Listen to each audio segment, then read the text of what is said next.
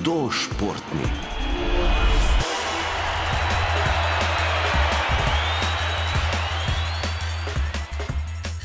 Dviganje uteži je na prvi pogled videti precej preprost šport, tudi v resnici zahteva popoln nadzor nad telesom in umom.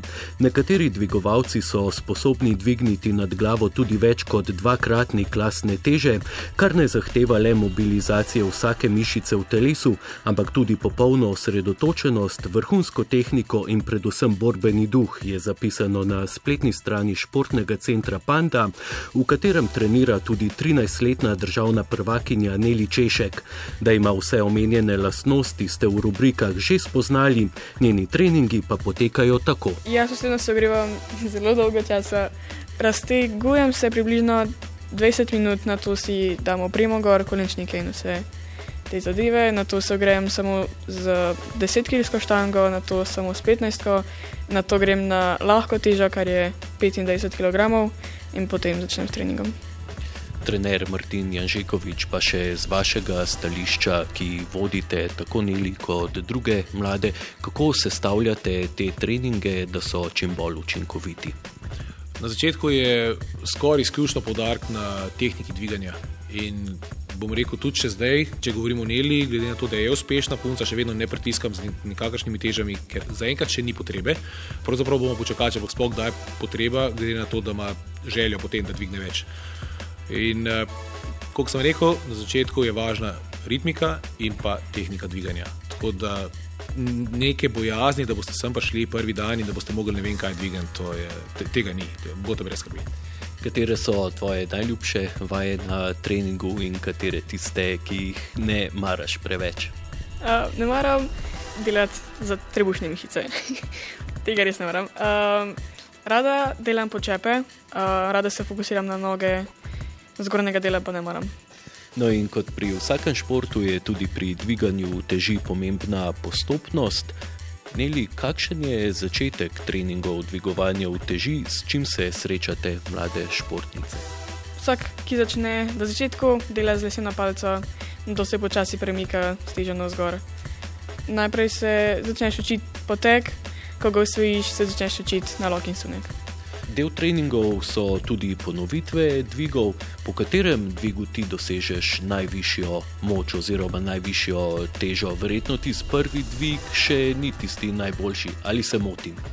Ne, težo dviguješ postopoma, odvisno kakšen je tvoj cilj za tisti dan, ki ga poskušaš osvojiti kako pa je proti koncu ponovitev, koliko krat se ti recimo zgodi, da proti koncu ne moreš več dvigniti bremena in ti tudi malo pomaga trener.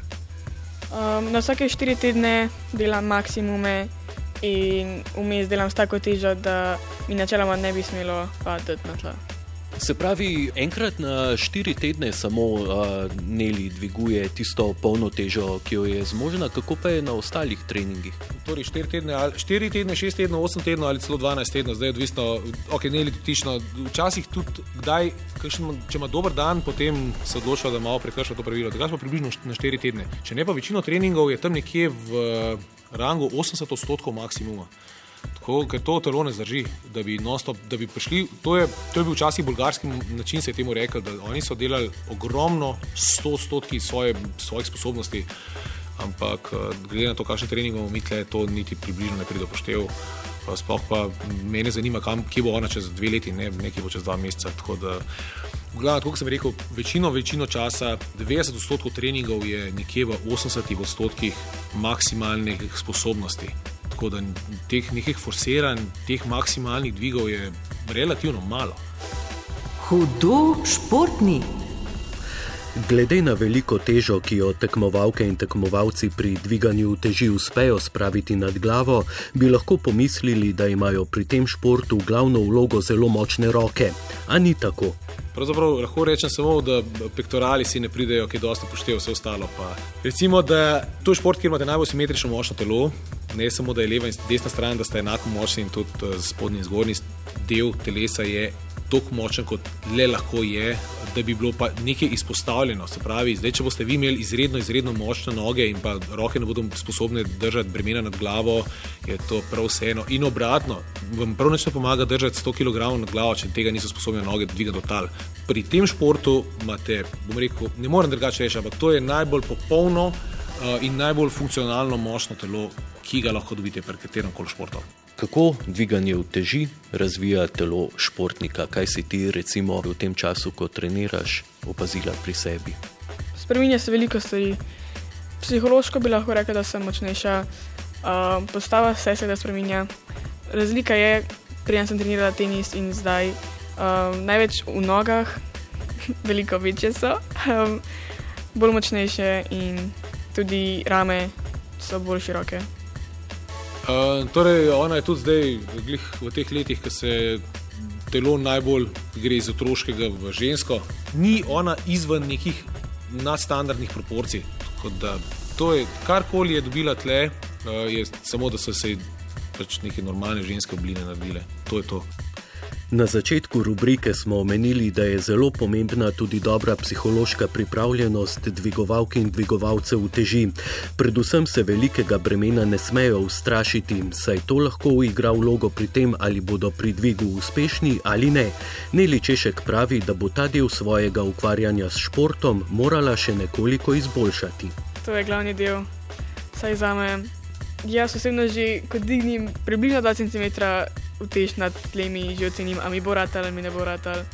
Če se v glavi naredim, da mi ne bo ratal, mi ne bo ratal.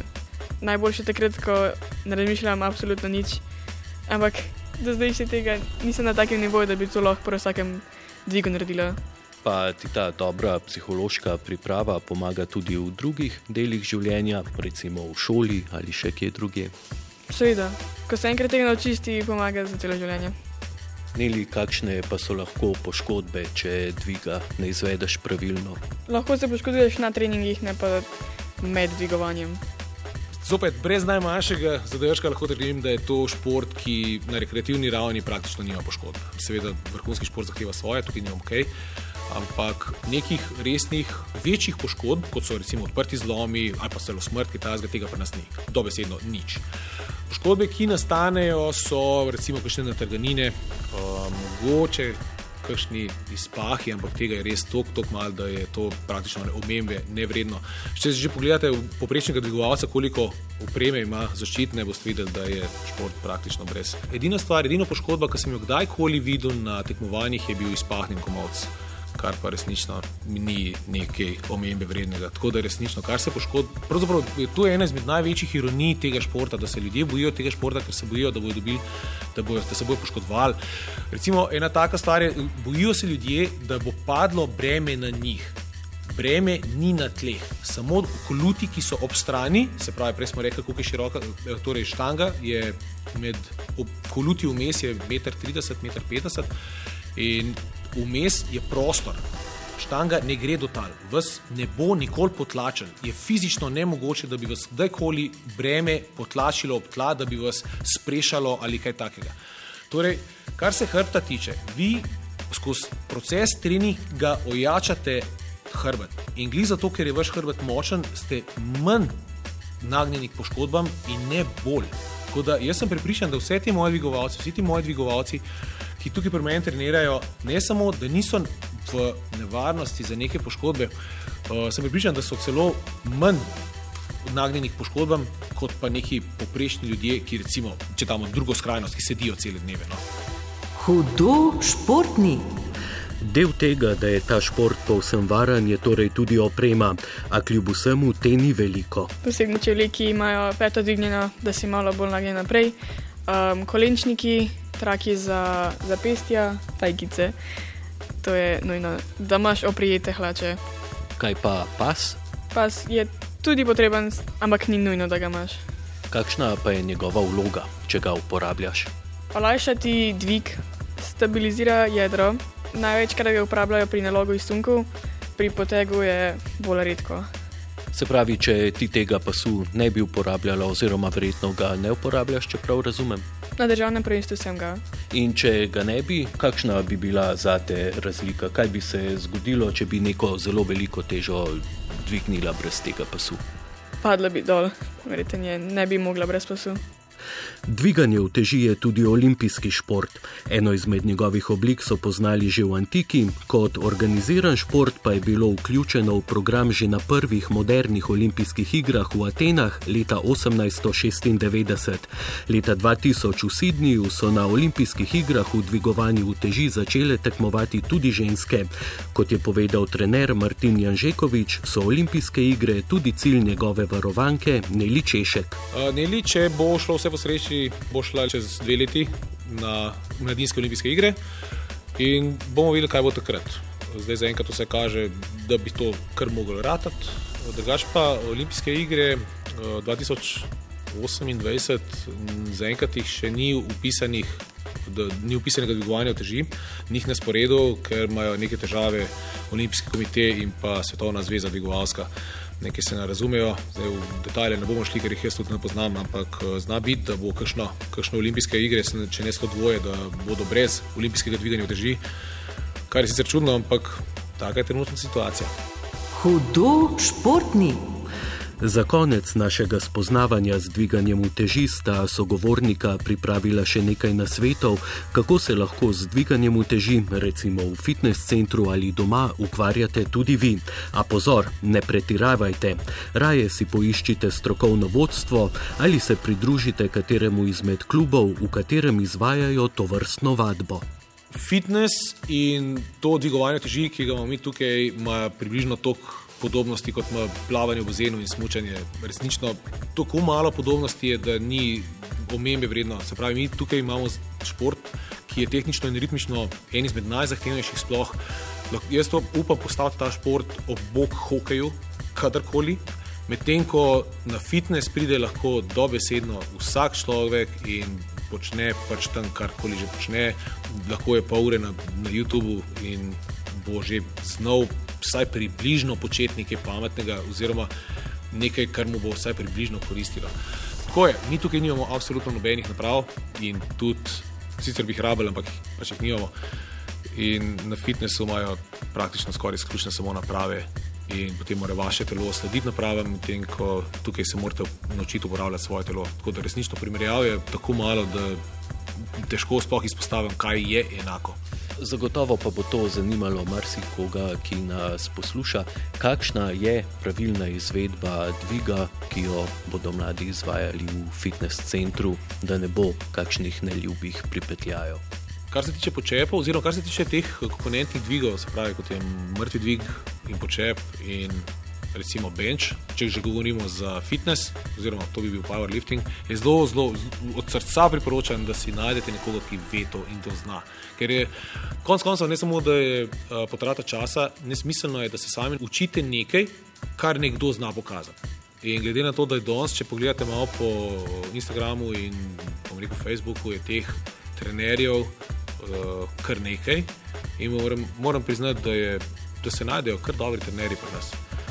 Tako da od srca priporočam ljudem, da, da ne si najdejo trenerja vsaj za prvih par treningov, potem pa bojo sami videli, da ga še potrebujejo, da ne potrebujejo več, ker so stvari, ki jih sami ne morete opaziti, niti v gledalu.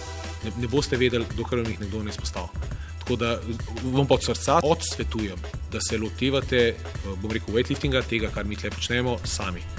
Ker zato pa, če nič drugega, ne boste dosegli svojega potencijala, tega, kar bi dejansko lahko dosegali, oziroma ne boste učinkoviti dvigovalci in bo samo ogromno nekih treningov in ogromno nekih frustracij, in ne bo pa rezultatov takšnih, ki bi jih recimo lahko dosegali, oziroma ki bi jih mogli imeti. In Neli naj bo to istočnica za konec našega pogovora. Kako bi povabila vse, ki bi jih to zanimalo, da pridajo pogledat na vaš trening, zakaj je dviganje uteži zanimiv šport? Zanimiv šport zna biti za vse. Vse sem že povabila, par ljudi. Um, se mi zdi, da bi lahko vsakdo probo to, tako je tako ravno konkurenca in upam, da bo več pun začela to trenirati. S tem povabilom končujemo spoznavanje dviganja v teži.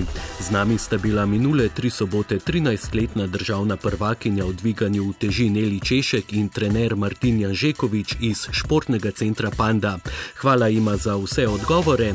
Naslednji teden pa vas seveda že čaka nov šport, ki se ga bomo lotili. Do takrat ostanite. Hudo športni.